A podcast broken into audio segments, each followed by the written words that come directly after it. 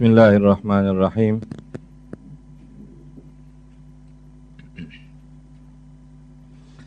Elhamdülillahi Rabbil alemin. Ve salatu ve selamu ala seyyidina Muhammedin ve alihi ve ashabih. Ve men tebi'ahu bi ihsanin ila yevmiddin.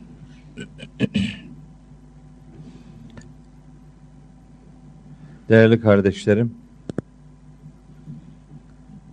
hepinizi selamların en güzeliyle, Allah'ın selamıyla selamlıyorum. Allah'ın selamı, rahmeti, bereketi, afiyeti, mağfireti üzerinize olsun. Bugün Adiyat suresini okuyacağız inşallah. Adiyat suresi ile alakalı tabi aslında kısa bir sure 11 ayetlik en kısa surelerden bir tanesi. Ama biz madem ki 3 ayetlik Asır suresini bir buçuk saatten fazla bir zamana anca sıkıştırabildik. Bu 11 ayetlik sure o orana göre 3 ders, 4 ders tutması lazım ama yok. Bu ders bir derste bitecek inşallah.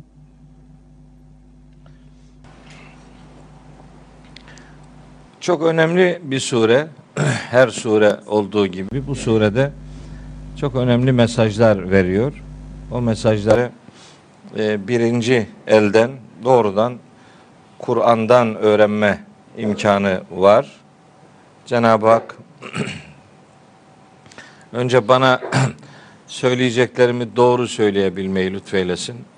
Sonra da size dinleyeceklerinizi doğru dinlemeyi, doğru anlamayı ve nihayet doğru bir şekilde hayatımıza yansıtmayı nasip eylesin.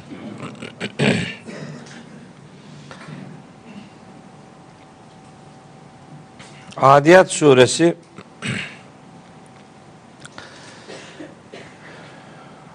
iniş sırası itibariyle 14 numaradadır. Resmi sıralamada da 100. suredir. 11 ayettir. Mekke'de indirilmiştir. Ve ana grup olarak iki ayet grubunda değerlendirilebilir. Birinci grup ilk beş ayetten oluşan ifadeler, diğeri de 6 ila 11. ayetler. Bu ilk beş ayetin üçünde işte bizim yemin ifadesi dediğimiz ifadeler var. Geri kalan 6 ila 11. ayetlerde de inkarcı insan tipinin bir takım özelliklerine dikkat çekiliyor. Kolay anlayabileceğimiz bir sure. O itibarla öyle çok lafı uzatmadan inşallah Adiyat suresini okumuş olacağız. Adiyat suresi kendisinden önce indirilmiş olan Asır suresiyle de iki konuda benzeşir. Bu benzeşme konularının bir tanesi her iki surede yeminle başlıyor. Vel asri vel adiyati gibi bir yemin ortak paydası var. Bir diğeri de işte zararda ziyanda olan insan tipi ile alakalı bir tanıtıcı bilgi ortak konuyu oluşturuyor.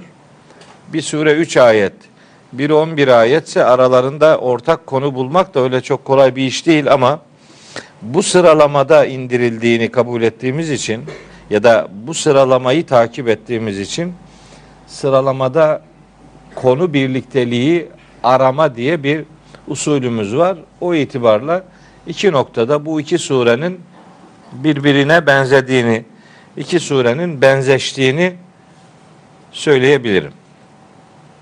Şimdi bir şeye hazır olmak ihtiyacındayım.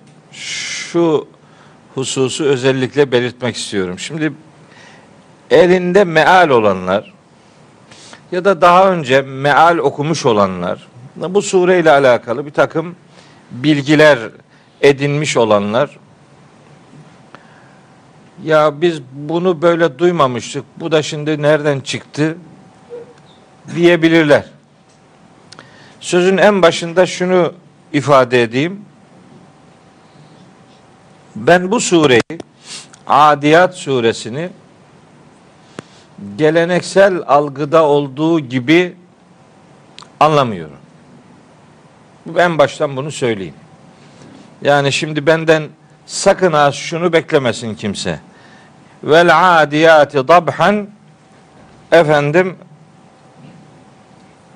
nefesleriyle ses çıkararak koşan atlara yemin olsun filan. Bunu demeyeceğim ben yani. Böyle acayip hızlı koşan ve nefeslerinden böyle e, böyle güp güp ses çıkaran bir atlar üzerinden yürüyor bu iş. Hatta öbüründe söyleyeyim. Fel muriyati kadhan atlar o kadar hızlı yürüyor ki tırnaklarından yani demek ki altın ayaklarının altında şey var. Nallar. Onlar mesela taşlara hızlı çarpıyor ve oradan ateş çıkıyor mesela. Bu ateş çıkaran nallara yemin olsun.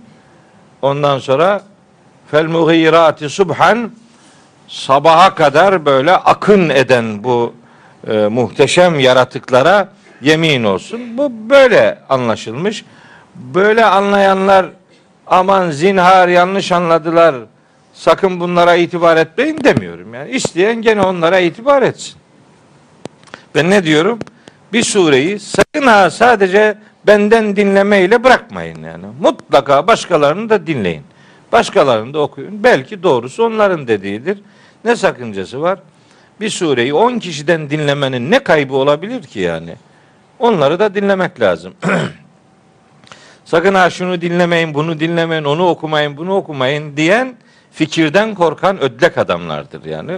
Dolayısıyla öyle bir şey yok. Herkesi dinleyin. Ben zaten öyle Allah'a hamd ediyorum ki şükür olsun Rabbime diyorum. Eğer şimdi piyasada dolaşan bazı düşünceleri dillendiren adamlar kendi dilleriyle bunu söylemeselerdi de biz deseydik ki bakın bu zihniyet şöyle şeyler düşünüyor bize kimse inanmazdı. Derlerdi ki iftira ediyorsunuz ya bu kadar açık iftira olur mu diye. Onun için ben çok rahatım. Beni seven bütün kardeşlerime söylüyorum. Herkesi dinleyin. Hele özellikle onları mutlaka dinleyin. Dinleyin ki ibret alın arkadaş. Bak öyle diyor, bir de böyle diyor. Akıl var. Akıl süzgecinden geçirin. Hangisi size ikna ediyorsa ona itibar edin. Yani bir adama şunu okuma veya şunu dinleme demek ne demek biliyor musunuz? Senin aklın basmaz, kafan basmaz, seni kandırır diye aklına hakaret ediyor insanların. İradesine, beynine hakaret ediyor. O hakareti de millet yutuyor. Yani bizim büyüğümüz bize okuma dediyse elbet bir bildiği vardır. Dolayısıyla ona boyun bükmemiz lazım. Diyebiliyorsa bir adam tezelden Rabbim onlara da istikamet lütfeylesin. Çünkü fikirden korkulmaz. Ya şeytanı bile dinlemek lazım. Ne dediğini öğrenmek için. Yarın şeytana karşı çıkacaksın. Neyine karşı çıkacaksın? Bilmiyorsun ki bir şeysini. Karşı çıkmak için bile dinlemek lazım. Ama o kadar fikirsiz insanlar var ki o kadar örümcek ağı gibi düşünceleri yumuşak, zayıf adamlar var ki bir başkasını dinlerse bunu kaybederiz korkusunu taşıyorlar. Yok arkadaş, senin beynine kimse ambargo koyamasın yani. Ben bütün kardeşlerimden istirham ediyorum. Ne olur? Her konuyu mümkün olabildiğince ulaşabildiğimiz her bilgi kaynağından takip etmeliyiz. Ne olursa olsun yani. Şimdi peki ben nasıl anlıyorum bu ayetleri? Şimdi onu söyleyeyim. Aslında biraz daha ileride söyleyecektim ama sözün en başında söyleyeyim. Bu Kur'an-ı Kerim'de biliyorsunuz yeminler var. yemin ifadeleri var. Pek çok derste bunlara değindik. İşte yeminler, niye yemin var, nasıl yemin var, yemin edilen varlıklar nelerdir filan gibi o teknik konuya epeyce temas ettik. Aynı şeyleri bir daha tekrarlamak istemiyorum ama şu kadarını söyleyeyim. Kur'an'daki yemin ifadeleri muhatapların dikkatini çekmeye yöneliktir. Yani önemli bir mesele var. Bu önemli meseleye hani kulaklarınızı dört açın. Dikkat kesilin. Pür dikkat bir şekilde bu meseleye bakın. Niçin? Çünkü yine vakti zamanında söyledik. Bir daha söyleyelim.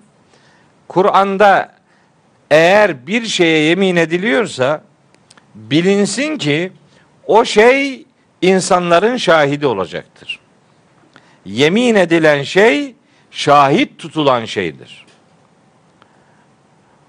Yani diyelim ki Allahu Teala güneşe yemin ediyor ve şemsi diyor. Güneşe yemin olsun demek güneş şahidiniz olacak demektir. Vel kameri aya yemin olsun demek ay şahidin olacak demektir. Gündüze yemin olsun gündüz şahidiniz olacak demektir. Geceye yemin olsun gece şahidiniz olacak. Yani her şey kayıt altındadır ve her şey insanla ilgili şahit tutulacaktır. Vurgu bunun üzerindendir.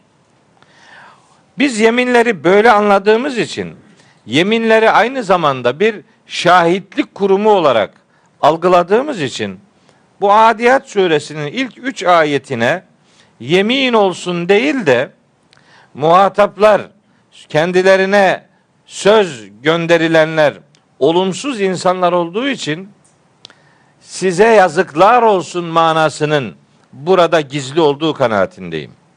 Yani bu yaptığınız yanınıza kar kalmayacak. Ey şu şu şu işleri yapanlar. Bu işler sizin şahidiniz olacak haberiniz olsun. Böyle hep övücü şeyler üzerinden yeminleri sınırlamak doğru değil.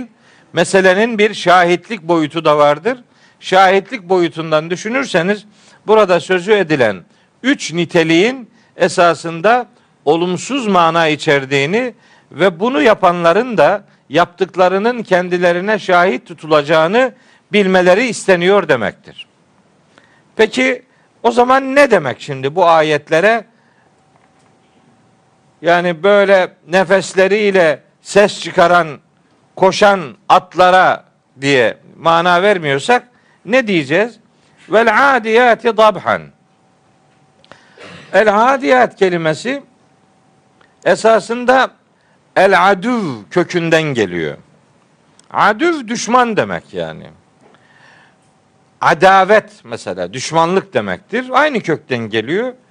Düşmanlar, zalimler, kötülük ve haksızlık yapanlar, saldırganlık yapanlar, efendim musibet ve bela yağdıranlar gibi anlamları var bu kelimenin.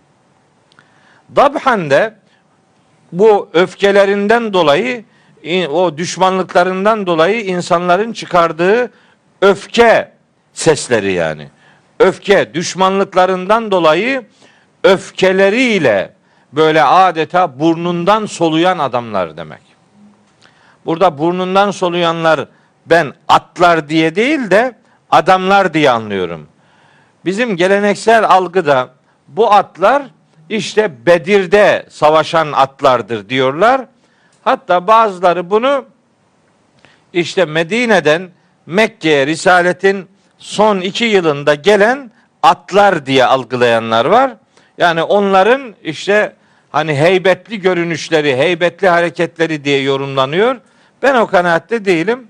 Ben burada övücü bir ifadenin değil tam tersine yerici bir ifadenin yer aldığı düşüncesindeyim. Kınıyor Allahu Teala. Düşmanlık yapanları kınıyor. Öfkesinden dolayı böyle burnundan soluyanları kınıyor. Mekkeli müşrikler tam da böyleydiler. Şimdi bu ayetin indiği zamanı düşünün.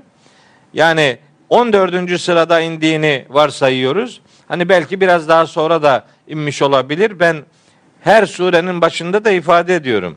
Bu sıralama benim tercih ettiğim sıralamadır. Yani bir grubun tercih ettiği sıralamadır. Başka sıralamalar da var. Ama ne olursa olsun Adiyat suresinin Mekki olduğu her haliyle belli. Mekke'de bu işi kim yapıyor? İşte Mekke'de bu işi müşrikler yapıyor. Ne yapıyorlar? Öfkeleriyle adeta böyle soluk soluğa kalan düşmanlıklarına gönderme yapıyor Allahu Teala. Bu ayet bu benim yaptığım yorumla sadece Mekkeli müşrik inkarcıları nitelendirmekten ibaret mi? Hayır. Ben öyle de görmem. Çünkü ben her ayetin güne sözü olduğu kanaatindeyim. Dünü anlatan ayetlerin günü de şekillendireceğini, yarına da sözünün olacağına inananlardanım.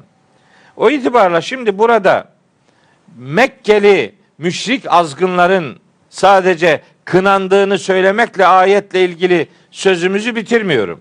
Bunlar her ne kadar şekilleri değişse de, mahiyetleri değişse de, usulleri, uslupları değişse de bu tür düşmanlık yapan herkesi içermektedir.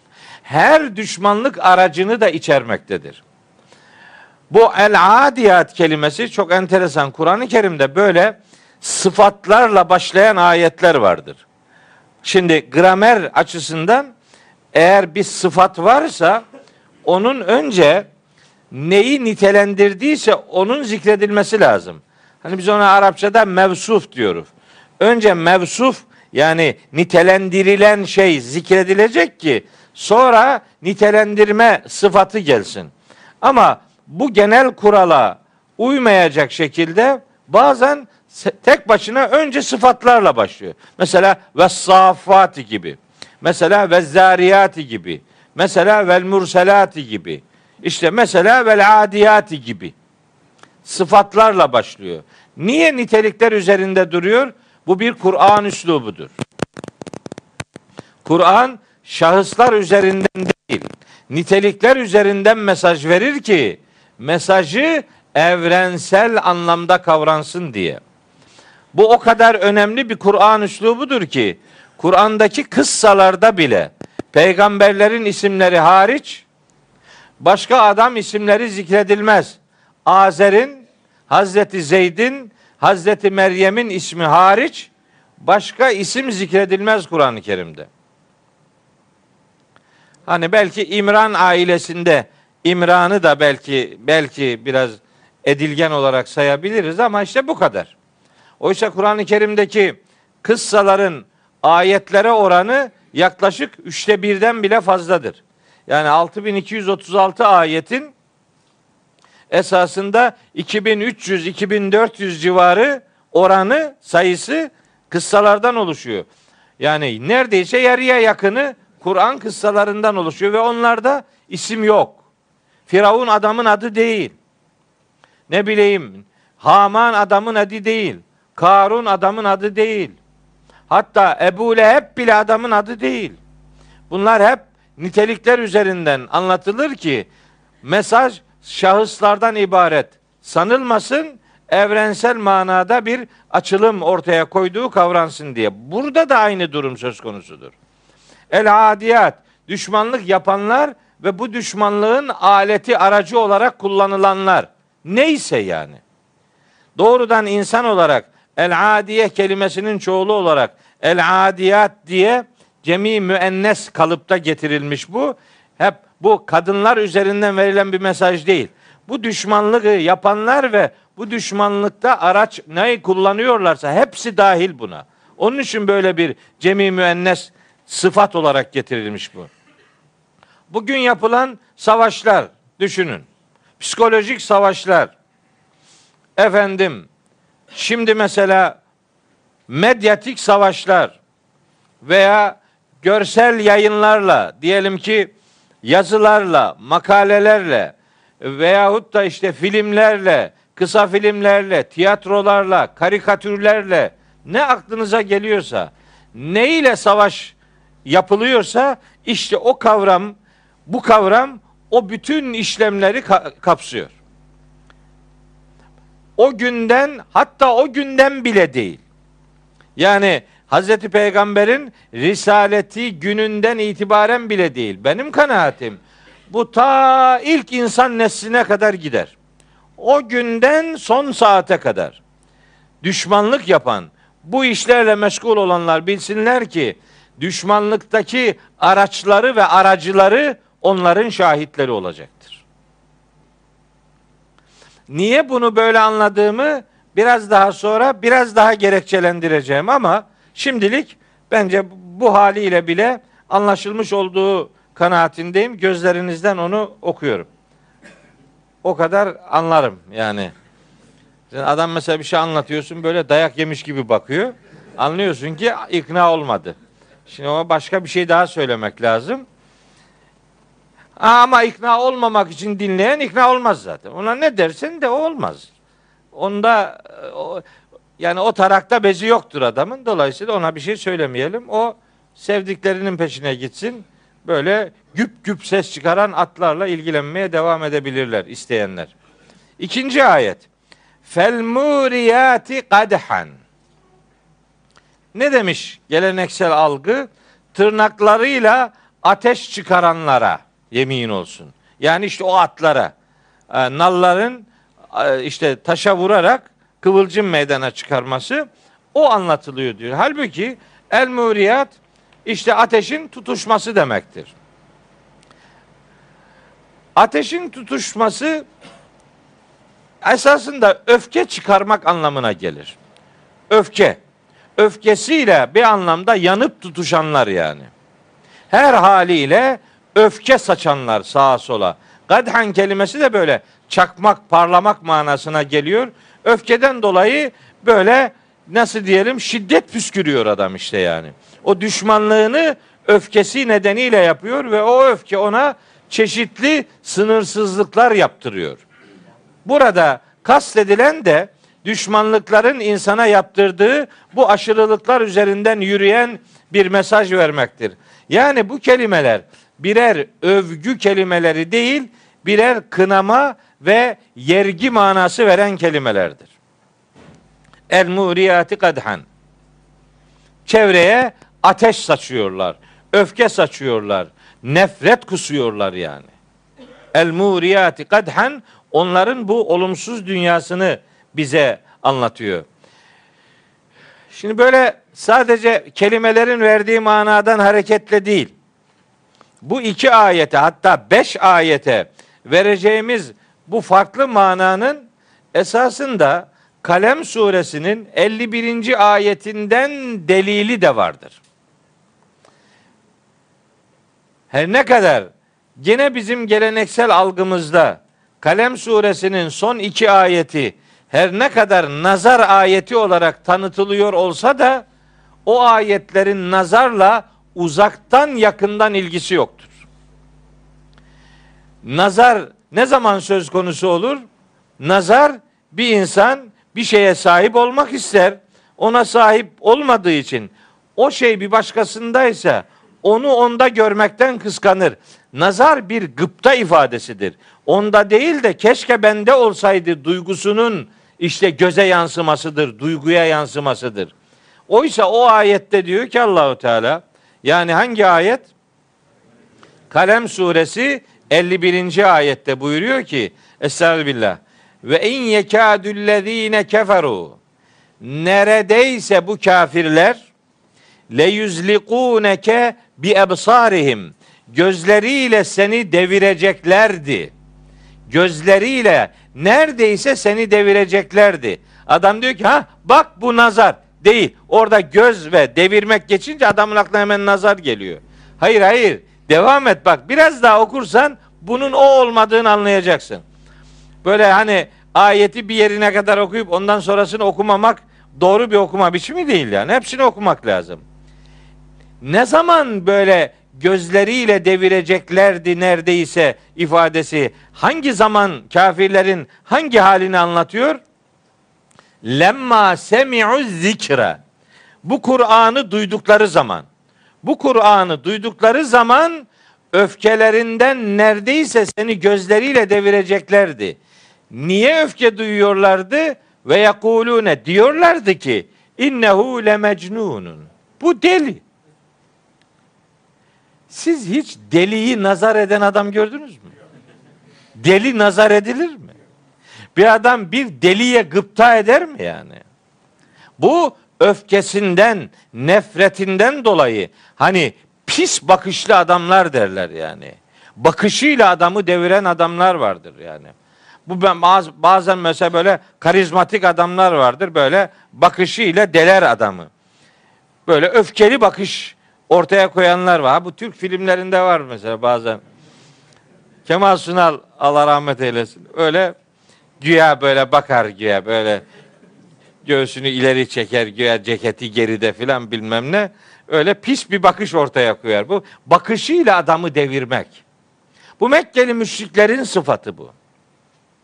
Mekkeli müşrikler Hazreti Peygamber'in ağzından Kur'an'ı duydukları zaman onu delilikle, mecnunlukla suçladıkları için öyle bir öfke dolu gözlerle ona bakarlardı. Bu bir gıpta bakışı değil, bir öfke bakışıydı. Bir nefret bakışıydı. İşte bu el adiyati dabhan fel muriyati kadhan işte bu el muriyati kadhan ifadesi özellikle onların öfkeli bakışlarını ifade eder. Nefret dolu bakışlarını ifade eder. Bugün için de aynı şeyler söz konusudur. Bugün üstelik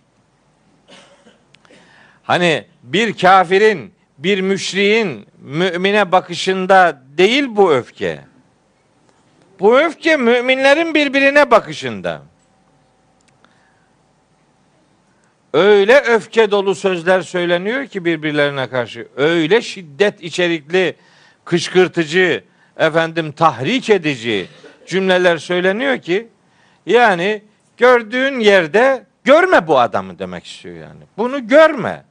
O karşılaşabilme imkanın ihtimalin varsa o yoldan gitme yani.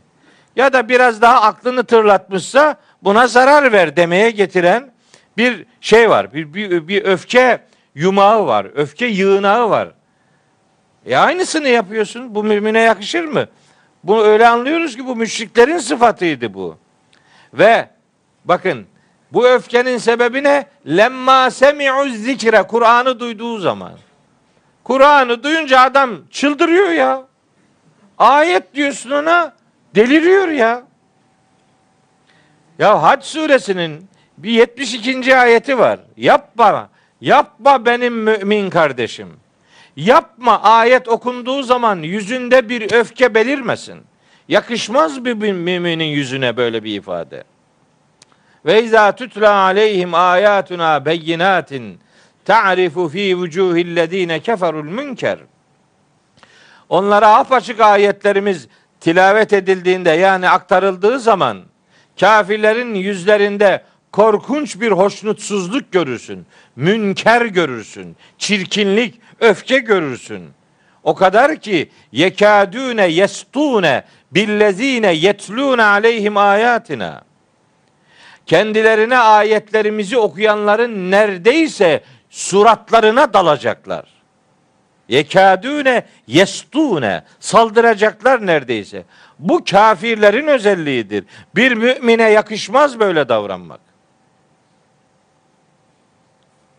Keşke bu ayetleri ara ara hatırlatmak zorunda kalmasak yani. Ama böyle korkunç bir şey oluyor. Bu toplumda şimdi böyle bir gerilme meydana geliyor. Değil mi? Benim Üsküdar'da konferanslarım vardı, derslerim vardı. Ayda bir orada ders veriyorduk filan. Aman bir kıyamet filan işte en tehlikeli adam üzerinden afişte de Kur'an-ı Kerim'le buluşma. Tehlikeye bak. Ne tehlike? Şimdi bunu tehlike görmek kime yakışır? Kime yakışır? Bunu söylemek dahi istemiyorum. Yakışmaz. Be güzel kardeşim.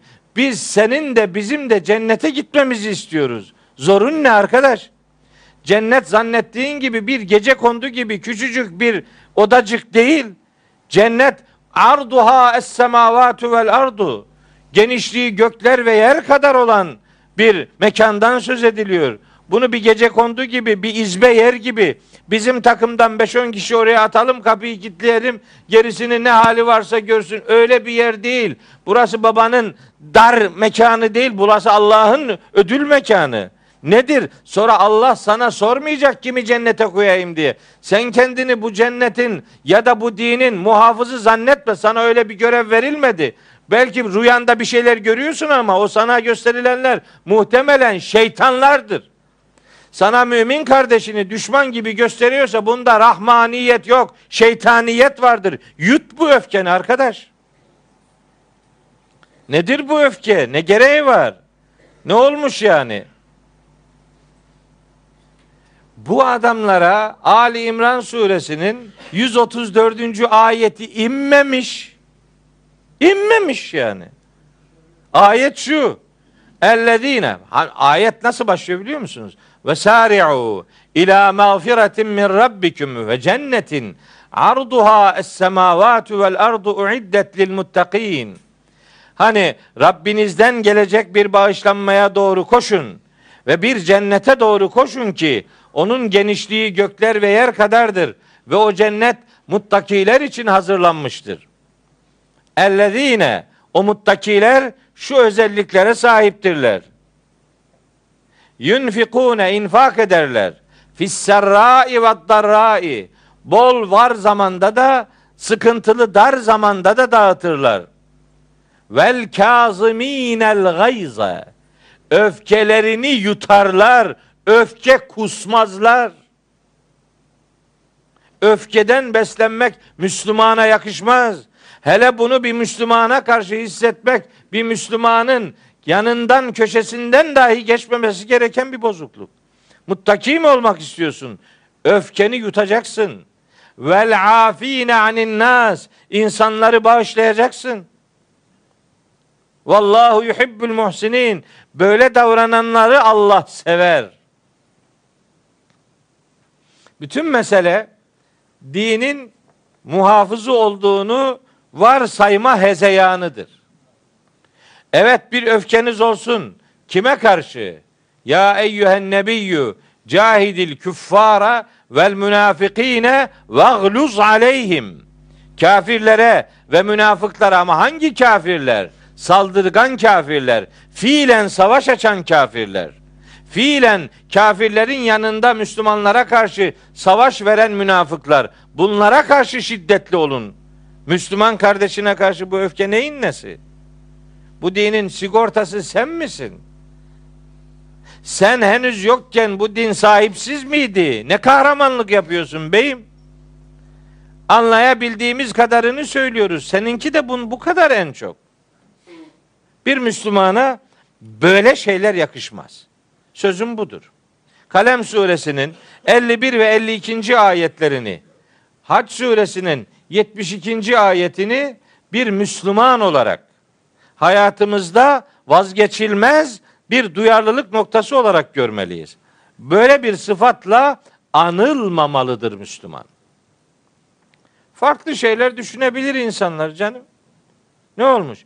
Ama eğer kardeşine mesela sapık diyorsun. Ya sapık deyince bu milletin önemli bir çoğu başka bir şey anlıyor ya.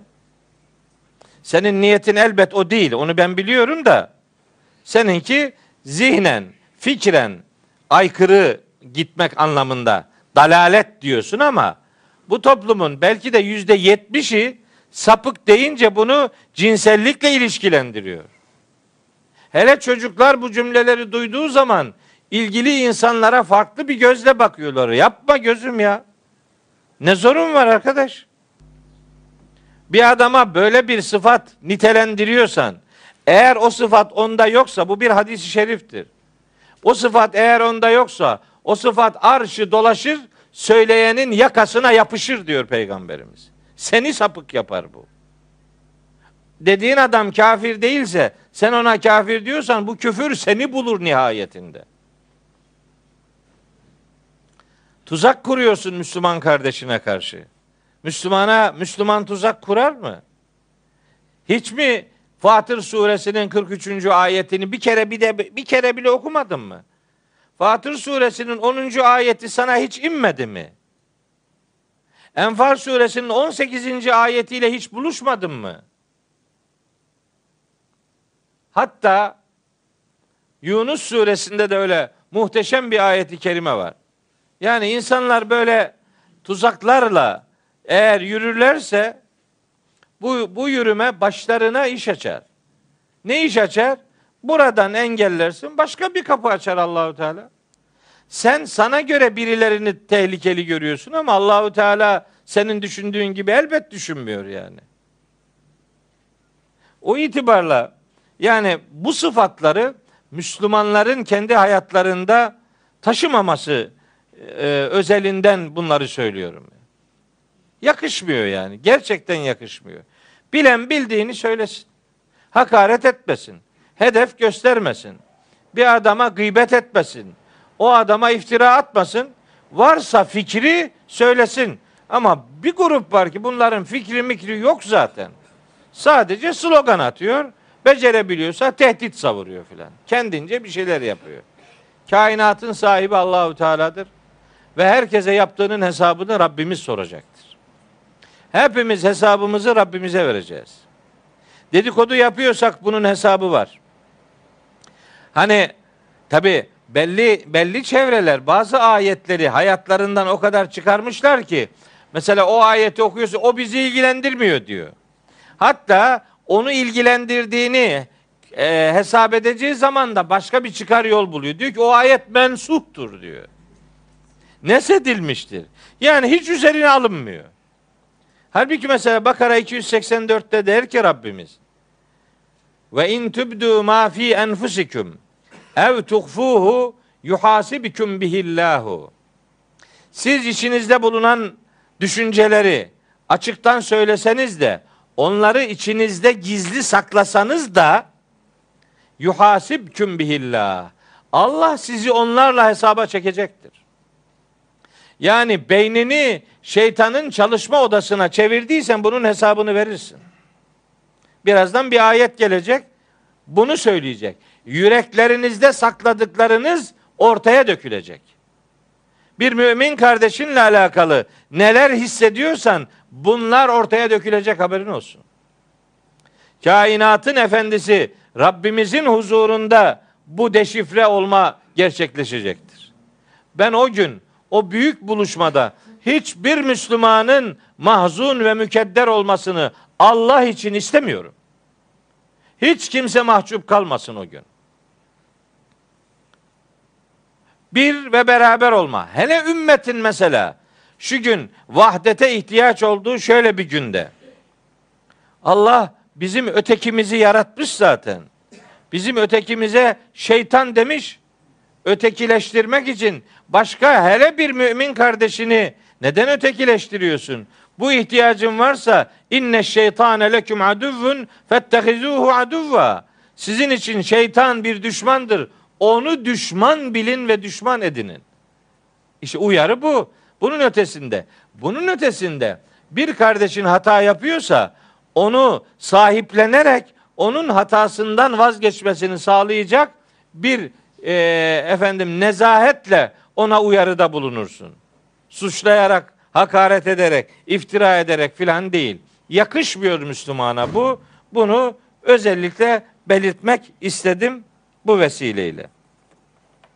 Sonra üçüncü sıfat fel mugirati subhan sabahleyin akın edenlere diye yorumlanıyor.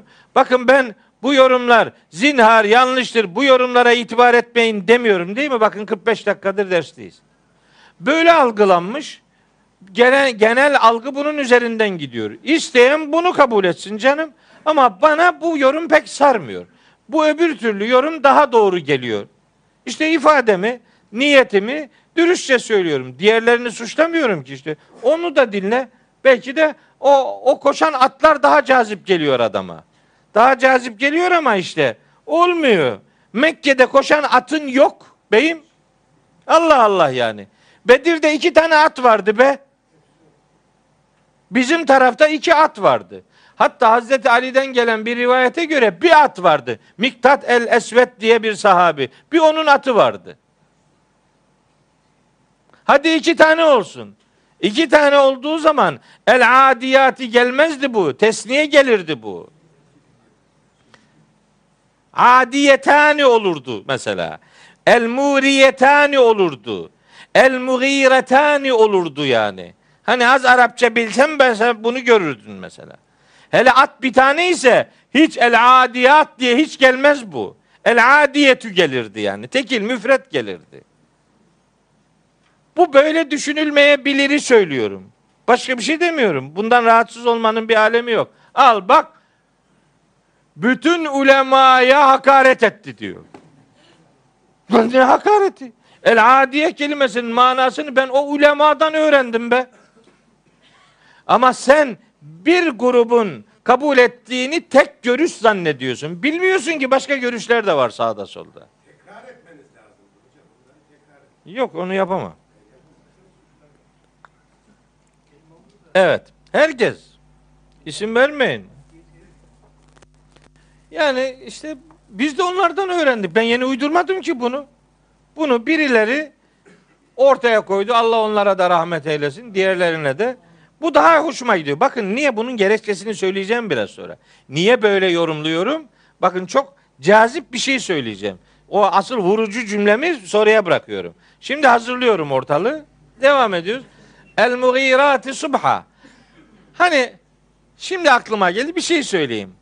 El mugirati el mugirat kelimesi böyle yani böyle sinsi hareket etmek üzere böyle aniden beklenmedik şekilde işte ani saldırganlık yapmak anlamına geliyor. Subhan de sabah. Sabaha kadar mesela böyle işlerle uğraşanlar. İslam tarihinin Hazreti Peygamber'in risaleti gününden şu güne kadar Müslümanların en yaman düşmanı kimdir dense kahır ekseriyetle bir isim akla gelir. Bu Ebu Cehil değildir. Bu Ebu Leheb değildir.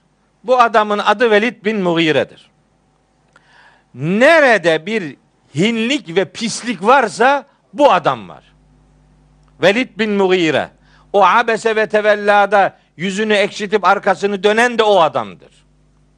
O Müddessir suresindeki innehu fekkere ve kaddere fekutile keyfe kaddere sümme kutile keyfe kaddere sümme nazara sümme abese ve besara sümme edbere ve stekbere fekale in hâzâ illa sihrun yu'seru in hâzâ illa kavlul beşer diyen adam aynı adamdır. Efereeytellezî tevella Necim suresinde ve a'ta kalilen ve ekda o bu sıfa bu olumsuz sıfatlar kendisi için söylenen şahıs da gene aynı Velid bin Mughire'dir. Niye onun adını andım? Necim suresindeki ayetler 33, 34, 35. ayetlerdi. Öbürleri zaten abese baştaydı. Müddessir de hani onun da numarasını söyleyeyim. Ayetleri not alanlar var. İşte 18, 19, 20, 21 o grup ayet. Bu Velid bin Mughire. Yani bir tevafuk budur bilmem. O mughire ile el mughirat aynı aynı aynı kökten geliyor. Yani bir hinlik yapıyor bu adamlar. Bu, bu bir hinlik yapanlarla alakalı bak. İsim bile benzeşiyor yani. Gerçi Mughire'nin oğlu Velid'dir asıl mikropluk yapan ama yani bir bağ var yani. Bu böyle bir kelime. Ama asıl benim böyle düşünmemin sebebi bu kelime değil. Hafif böyle aklıma geldi beyan etmiş olayım. Bakın bu sabahlara kadar hezeyanlar üretenler sadece Mekke döneminin müşrik kafirleri değildi ki. Şimdi de var. Şimdi de nice nice saldırganlıklar var. Meelin ale tik tank kuruluşları var yani. Düşünce üretiyorlar. O düşünce üretmelerde böyle hakka hizmet etme diye bir dert yok. Silah üretenler zalimlerin karşısında caydırıcı güç olsun diye silah üretmezler. Onların derdi Müslümanları katletmektir. Değil mi? Silah deniyorlar. Orta Doğu iyi bir silah deneme mekanına dönüştü maalesef. Sabahlara kadar, günlerce, aylarca, yıllarca böyle perişanlık üretiyorlar. Hezeyan üretiyorlar. Saldırganlık, düşmanlık üretiyorlar. O gün Bunu Velid bin Mughire gibiler yapıyordu. Bugün başkaları yapıyor. Dün e, dün akşam bir televizyon programına katılmıştım. E, dün bu sosyal medyada baktım bir tanesi yazmış. Kendine göre böyle bir hakaret ediyor yani. O rutin hakaret edenler var da onlara alıştık. Onları engelledim zaten daha görmüyorum onları Allah'a şükür. Onlar beni görsünler diye yeni fake hesaplar açıyorlar. Bakıyorum takipçi sayısı bir. Niye? Yeni açmış yani. Açıyor oradan bir şey gönderiyor. Engelliyorum onu bir tane daha açıyor yani. Onun için bu takipçi sayıları çok hakikatin ifadesi değil. Çok fake hesaplar var sahte yani. Onun için çok e, dikkat etmemek lazım ama dün itibariyle bir şey aklıma geldi. Bir baktım ki adam diyor ki bir şeyin logosunu koymuş. Şimdi o logoyu da söylemiyorum. Hani bir adres gösterme olmasın diye. Bu dindarlar, kendini dindar sananlar öyle suçluyor. Bana yazıyor doğrudan. İşte filanca bilmem ne asırda meleklerin cinsiyetiyle uğraşanlar gibi sen de durdun durdun hiç işin yokmuş gibi Hazreti şey Hazreti de demiyor tabi o zihniyet Hazretler mi yani? Meryem İsa'yı nasıl doğurmuş sana ne diyor. Yani uğraşılacak iş mi? Dedim ki bana karşı çıkanlar belli ki bir dinsizler, iki kendini çok dindar sananlar. Ya Hazreti Meryem'le alakalı Kur'an'dan anladığım acaba şöyle bir işaret olabilir mi diye soru sorduğum ve 12 yıl önce yazdığım bugün değil 12 sene önce yazdığım bir makaleyi biri bir yerden servis etti. Sanki bugün ümmetin şu kadar sıkıntılı olduğu dönemde işimiz gücümüz yokmuş gibi oturduk Meryem ne yaptı, İsa ne yaptı filan oralar. O değil. Bu bugünün meselesi değil. Kaldı ki arkadaş ben bir akademisyenim. Ya ben senin gibi klavye mücahidi değilim. Ben senin gibi filanca bilmem kaç asırdan beri yazılanları millete aktarmayı din sayan bir adam değilim. Ben akademisyenim, yazı yazmak zorundayım. Biz tez üretiriz, antitezi olan şeyler söyleriz. Tezdir bunlar. Bunun antitezi de vardır. Karşıtında biri yazı yazabilir. Bilimle alakalı bir şey söyledim.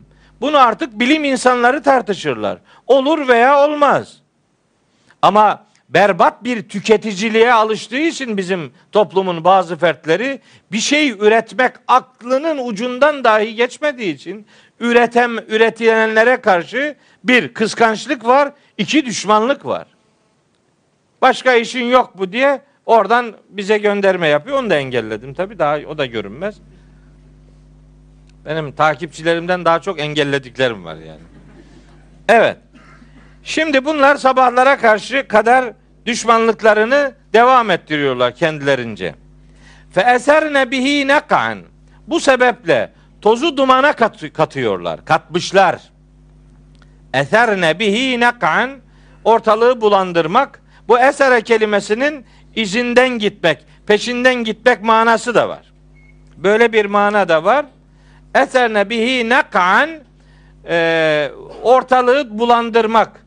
Hani bu düşmanlıklarıyla, bu öfkeleriyle, bu hezeyanlarıyla elinden ne geliyorsa onu yapmışlar. Mekkeli müşrikler için söyleniyor diye ben öyle kabul ediyorum.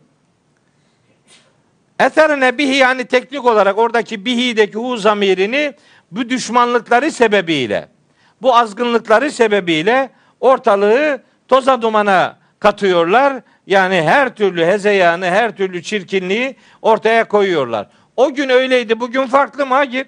Bugün de yazılı ve görsel medya ile benzer hezeyanları, benzer düşmanlıkları ortalığı toza dumana katacak her türlü efendim çalışmayı belli çevreler zaten yapıyorlar. Fevesatne bihi cem'a bu sayede toplumun ta ortasına dalıyorlar. Müslüman toplum. Az insanlar var. Onları da adeta can evinden vuruyorlar. Vurmuşlar yani. Müslüman olmak için gelenler var. Onları doğru Kabe'ye sokmuyorlar. Müslümanlara biliyorsunuz ambargolar uyguladılar. Onları hayatı onlar için zindan olsun diye ellerinden ne geliyorsa yaptılar. Bunları fütursuzca yaptılar. Şimdi bugün de yapıyorlar. Bugün de benzer şeyler var. Bugün de yeryüzünün en fakirleri Müslümanlar, en çok sıkıntıya maruz bırakılanlar Müslümanlar ve bu sıkıntıya maruz bırakanlar içinde de maalesef Müslümanlar var. Kendi kardeşini aynı kıbleye döndüğü, aynı Allah'a inandığı, aynı peygambere tabi olduğu, aynı kitabı izlediği iddiasında bulunanlar birbirlerine bu çirkinlikleri yapıyorlar. Bu saldırganlıkların haddi hesabı yok. Şimdi ben niye bu ayetleri böyle anlıyorum? Ya da geleneksel algıya göre niye farklı şeyler düşünüyorum? Bakın. Şöyle tercüme ediliyor bu. Bu bu ayetler.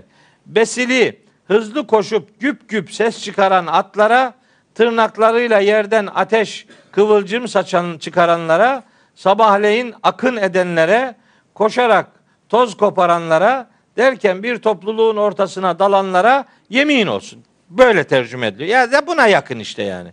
Genel mana böyle övücü bir mana. Biraz önce söyledim. Bu surenin indirildiği dönem düşünüldüğü zaman Müslümanların böyle bir özelliği yoktu. Müslümanlar toplum içerisinde çok büyük eziyetlere maruz bırakılıyor ve her türlü sıkıntılı ortamı yaşıyorlardı Mekke'de.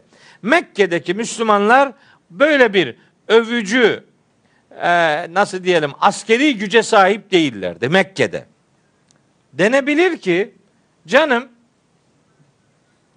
öyle diyorsun ama bu ayetler gelecekte olacak şeyleri müjdelemek içindir. Gelecekte. Olabilir. Bu da bir görüş yani.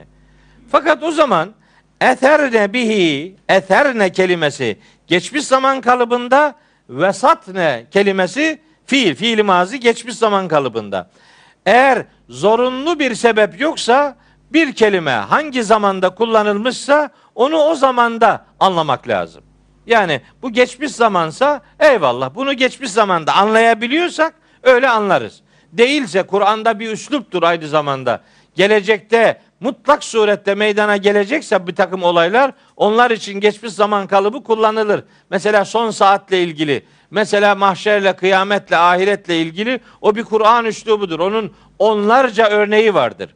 Fakat burada biz meseleyi Mekkeli müşriklerle alakalı görürsek bu fiillerin geçmiş zaman kalıbında yorumlanmasını daha doğru buluruz. Nihayet onlar gelecek zaman manası veriyorlar. O bir tercihtir.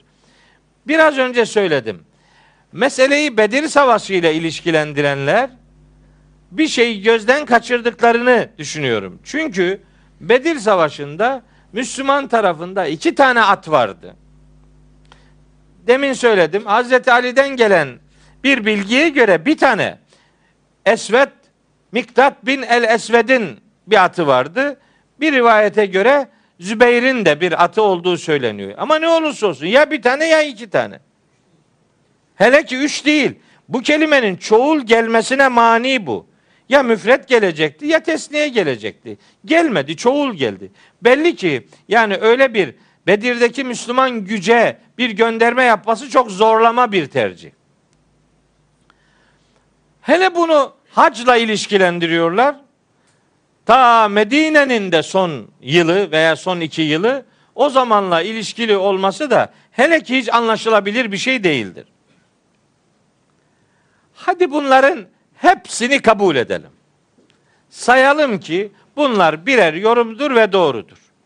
Taraftarlarınca da doğru kabul edildiğine göre hadi diyelim ki mesele yok. Ama bakın ben yine epey söylediğimi biliyorum. Yeminler yeminler kendilerinden sonra gelen cümlelerle yakın anlam irtibatına sahiptirler. Eğer bir şeye yemin ediliyorsa yeminden sonraki cümlenin onlarla bir anlam bağı vardır.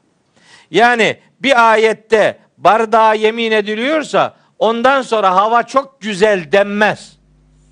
Su der, masa der, sıcak der, çay der, bilmem ne der yani. Bardakla alakalı bir şey söyler.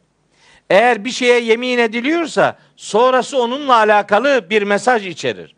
Bu böyledir Kur'an ayetlerinde. Bunu böyle görmek istemeyince işte farklı yorumlar devreye giriyor.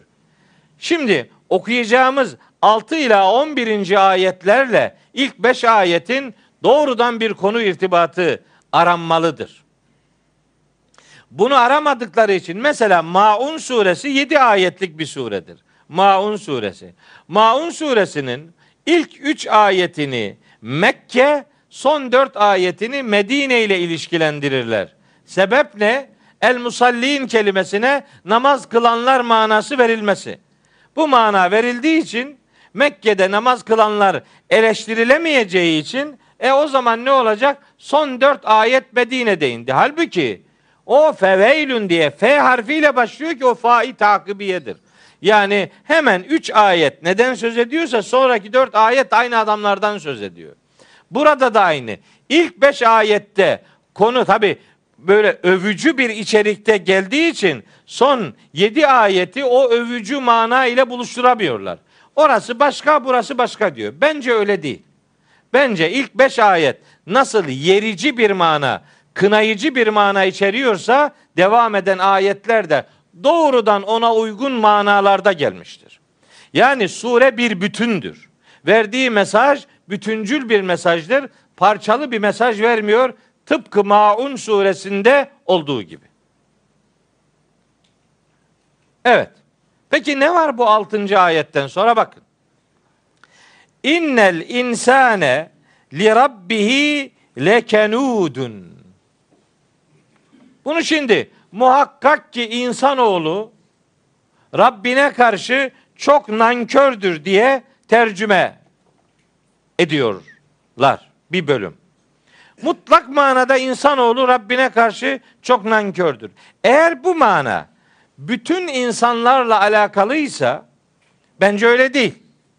O el insanedeki o elif lamın belli bir grubu, belli bir e, özellikte olanları içerdiği kanaatindeyim.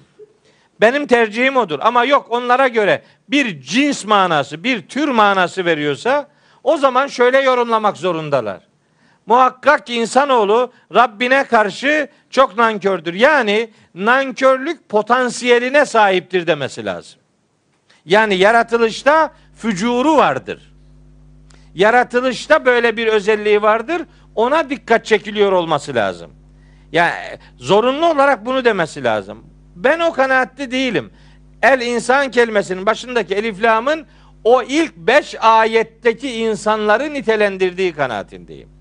Yani innel insane li rabbihi lekenudun. Bu insan bu insanlar var ya bu bu adiyat olanlar, bu düşmanlık yapanlar, muriyat olanlar, öfke saçanlar, mugirat olanlar sabaha kadar bu e, efendim hezeyanlar peşinde Müslümanlara zarar veren bu tipler var ya işte bu tip li rabbihi bu insan tipi Rabbine karşı lekenudun mutlak bir nankörlük içindedir. Bu adamlar.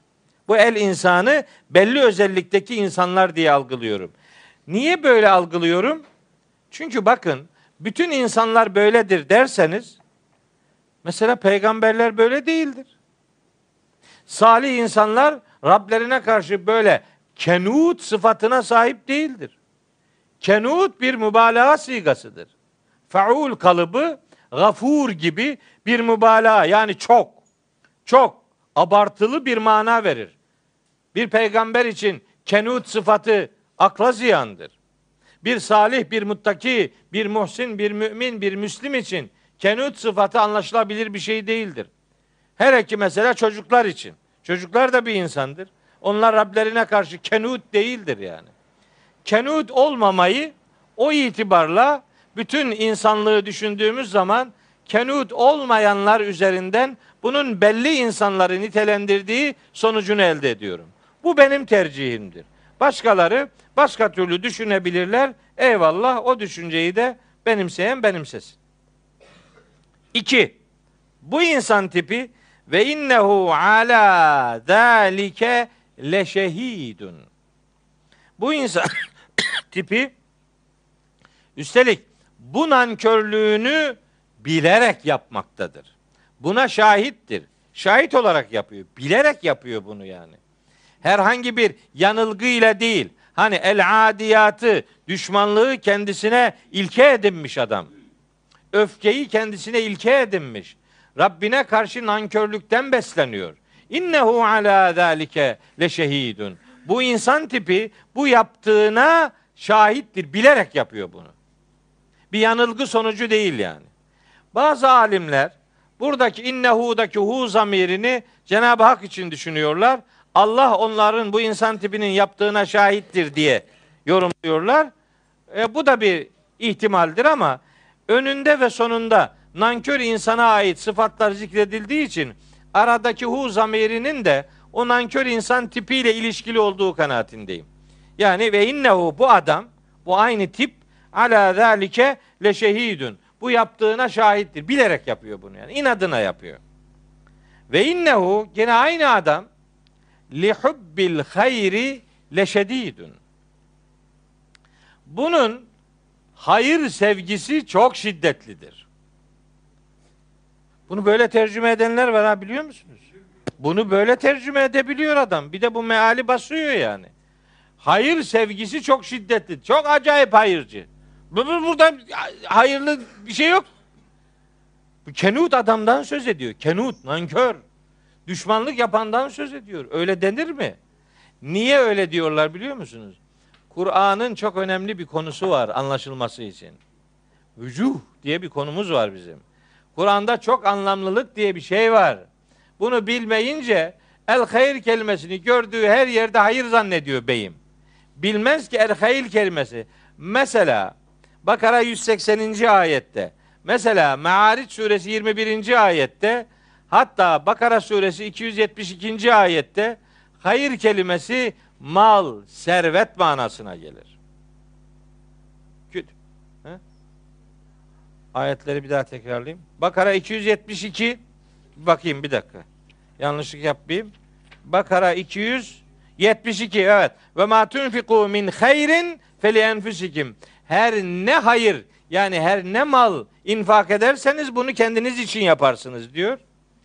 Mesela Bakara 180'de buyuruyor ki Kütübe aleyküm İzâ hadara ahadekumul mevtu in tereke hayran. Sizden birine ölüm geleceği zaman veya geldiği zaman geriye hayır bırakacaksa yani mal bırakacaksa onun şu vasiyeti yapması farz kılınmıştır.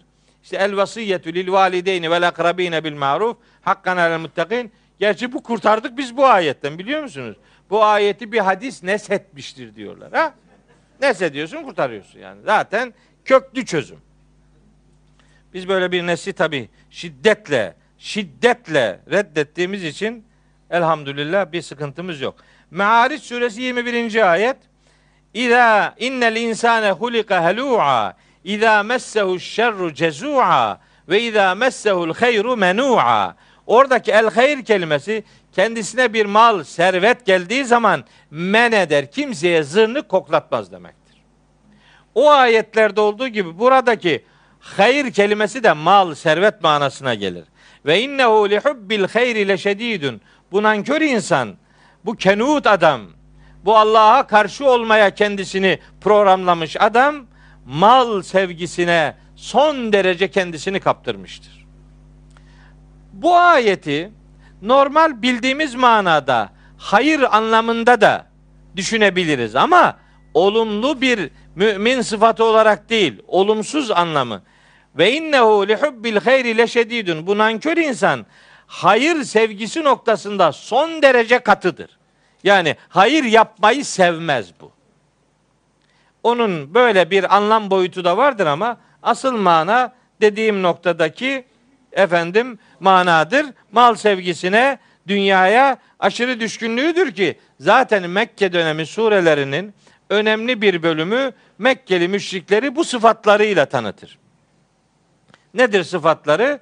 İşte Hümeze suresine bakın, işte Fecir suresine bakın. Hangi surelere bakarsanız bakın Mekki surelerde bunlar insanların böyle Hani Maun suresinde malını efendim e, abartanlar, işte malını kendisini ebedi yaşatacağını sananlar vesaire yetime bakmayanlar, yoksulla ilgilenmeyenler, ben kazandım sana ne diyenler var. İşte onlar üzerinden düşünüldüğü zaman bu hubbi hayır ifadesinin olumsuz bir mana verdiğini ve nankör insanları nitelendirdiğini rahat bir şekilde görürüz.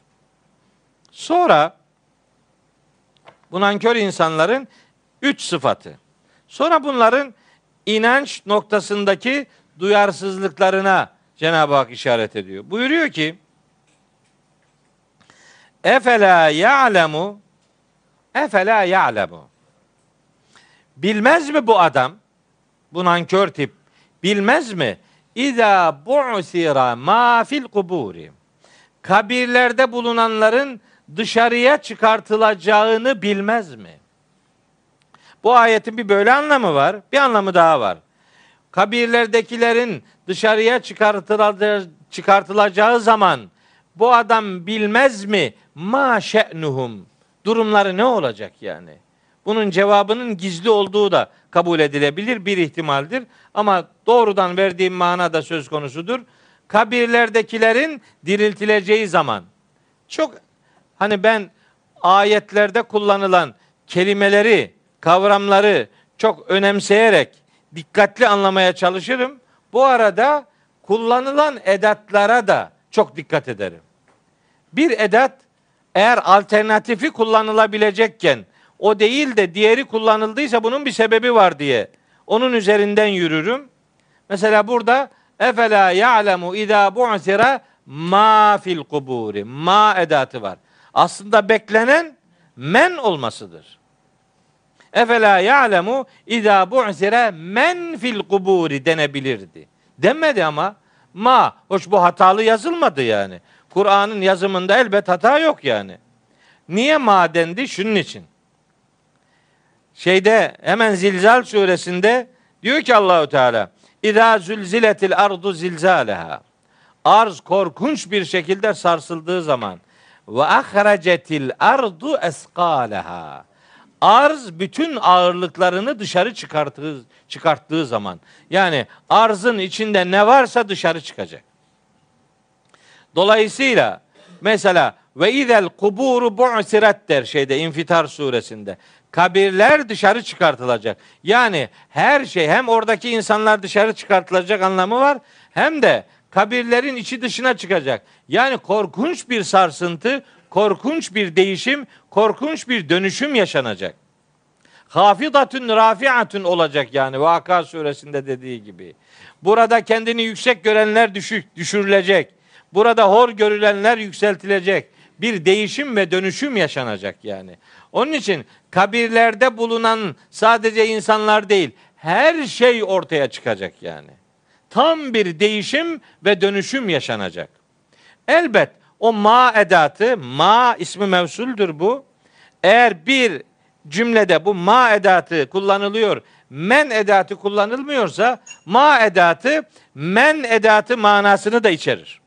Yani ma'nın içinde e, insanlar da var. Yani canı ve ruhu olan varlıklar da vardır. Ama eğer tek başına men kullanılıyorsa bu sadece insanlar için, canı ruhu olan varlıklar için kullanılır. Burada büyük bir değişimin meydana geleceği anlaşılıyor. Hani yevme tübeddelül ardu gayrel ardı. Arz başka bir arza dönüştürülecek. Ve semavatu gökler değişim ve dönüşüm geçirecekler. Bu ifadeler aşağı yukarı burada neden ma edatının kullanıldığının gerekçesini bize verir. Sonra ve hussile ma fis suduri. Sadırlarda ne varsa tahsil edilecek. Ortaya dökülecek. Bak mazi fiiller muzari manası veriyor. Niye? Son saat, kıyamet, mahşer için bu bir Kur'an üslubudur. Bunu herkesin böyle bilmesi lazım kalplerde gizlenenler ortaya dökülecekler. Biz bunu başka bir yerden daha biliyoruz. Nereden biliyoruz? Tarık suresinden. Orada buyuruyor ki Yüce Allah 9. ayette Estağfirullah Yevme tüble serairu Yevme o gün tübla ortaya dökülecektir. Es-serairu bütün sırlar. Bütün sırlar ortaya dökülecek. Sır ne? Sır denince akla ne gelir? Bir adamın bir mekanda sakladığı şey mi akla gelir? Yoksa kalbinde, içinde sakladığı şey mi akla gelir? İçinde sakladı. Zaten onun için fis sudur diyor. Kalplerinizde taşıyorsunuz ya. Ha? Onlar ortaya dökülecek. Ya ruzi mahşerde bunlar ortaya dökülecek. Nasıl birbirimizin yüzüne bakacağız ya? Neyi gizleyeceksin orada? Giz, gizlenmeyecek. Tübles serairu. Bütün sırlar ortaya dökülecek. Ve hussile ma fis sudur. Yüreklerde bulunan ne varsa hepsi tahsil edilecek. Hepsi ortaya dökülecek. Öyleyse ruzi mahşerde ortaya dökülmesi halinde utanacağımız şeyleri şimdi yüreğimizde, kalbimizde saklamayalım. Becerebiliyorsak bu hassasiyeti mutlaka ortaya koyalım. Neticede kalplerde bulunanlar tahsil edilmesi Cenab-ı Hakk'ın ilim sıfatının bir e, karşılığıdır.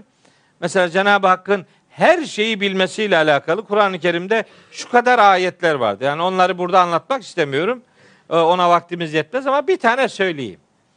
O anlaşılırsa zaten mesele dökülüyor ortaya. Mümin suresi 19. ayet. Mümin suresi aynı zamanda Gafir suresi diye de bilinir. Kur'an-ı Kerim'de bazı sureler var. Birden çok ismi vardır. Bazen bazıları öyle bir sure mi var Kur'an'da filan. Ben de bazen muziplik olsun diye diyorum. Yeni geldi, akşam geldi. Öyle mi sure var? Bil bunu da arkadaş ya. Bu senin kitabın ya. Da surenin adını olsun bil be. Bir adı daha var. Onu da bil. Ne var yani? Gafir suresi Mümin suresi olarak da bilinir. Fatır suresi Melaike suresi olarak da bilinir. İsra suresi Beni İsrail suresi olarak da bilinir. İnsan suresi Dehir suresi olarak da bilinir. Mesed suresi Tebbet suresi olarak da bilinir. Hatta e, şey suresi e, İhlas suresi Tevhid suresi olarak da bilinir. Ne bileyim İnşirah suresi Şerh suresi olarak da bilinir. Var. Berae suresi Tevbe suresi olarak da veya Tevbe suresi Berae suresi olarak da bilinir. Yani bir Müslümanın kitabıyla alakalı böyle bir şeyler biraz olsun bilmesi lazım. Ya bu bizim kitap be. Zerdüştlüğün kitabı değil yani. Ne adama Kur'an oku diyorsun sanki başka birinin kitabını oku diyorsun ona diye böyle şaşırıyorum. Bu okunur mu? Nereden çıktı bu filan?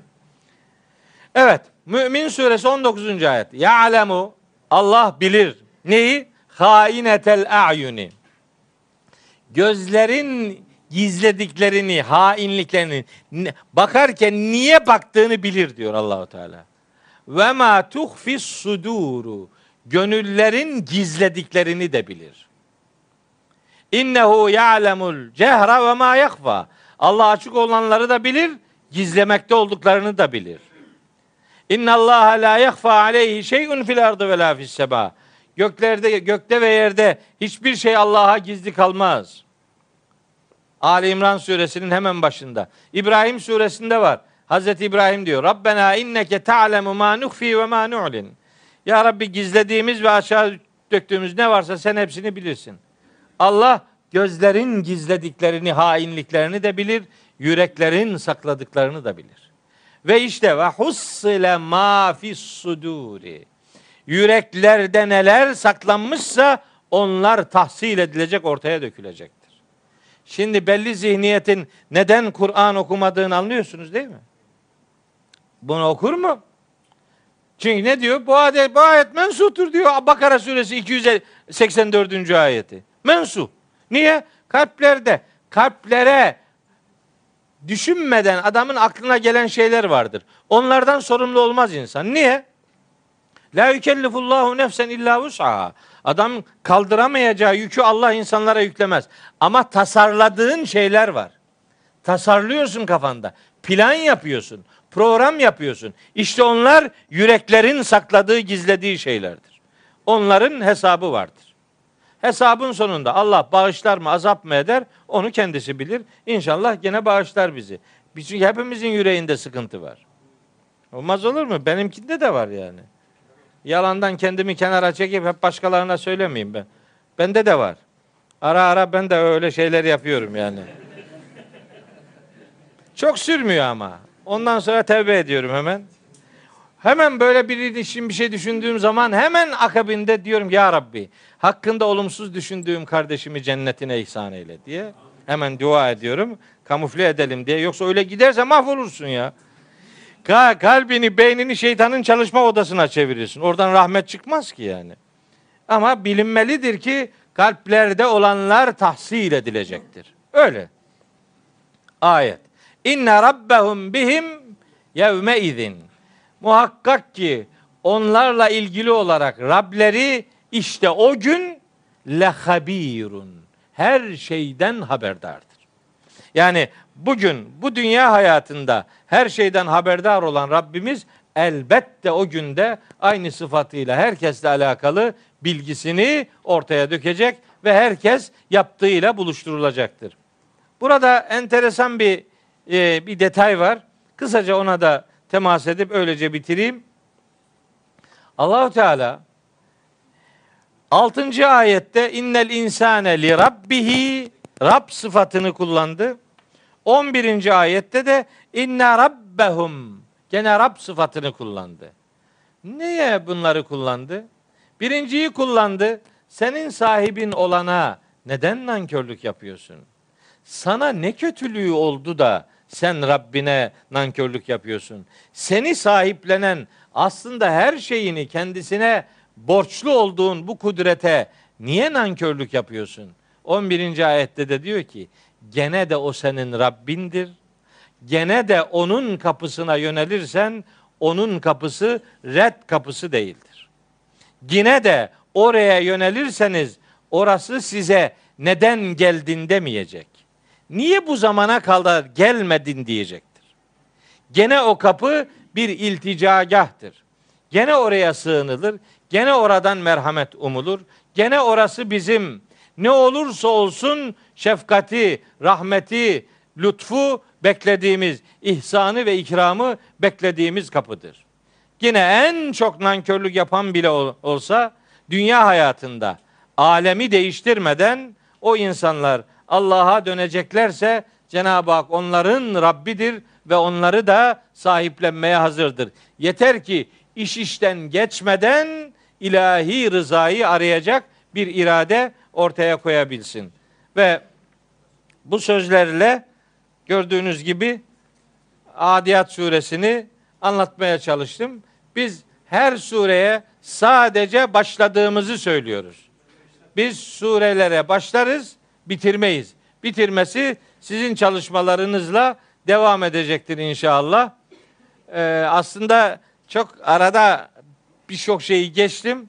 Çünkü saat 1'de bir acilen bir yere yetişmem lazım. Onun için böyle bırakıyorum. Yoksa ben öyle daha 4-5 dakika daha varken hiç bırakır mıydım? Böyle kıyametle alakalı neler anlatacaktım. Ama onları anlatamıyorum artık. Bir sonraki derste inşallah bir başka sureyle huzurlarınızda olacağız. Allahu Teala o güne kadar size de bize de yardımını, ihsanını eksik etmesin. Allah hepinizden razı olsun. Allah'a emanet olun.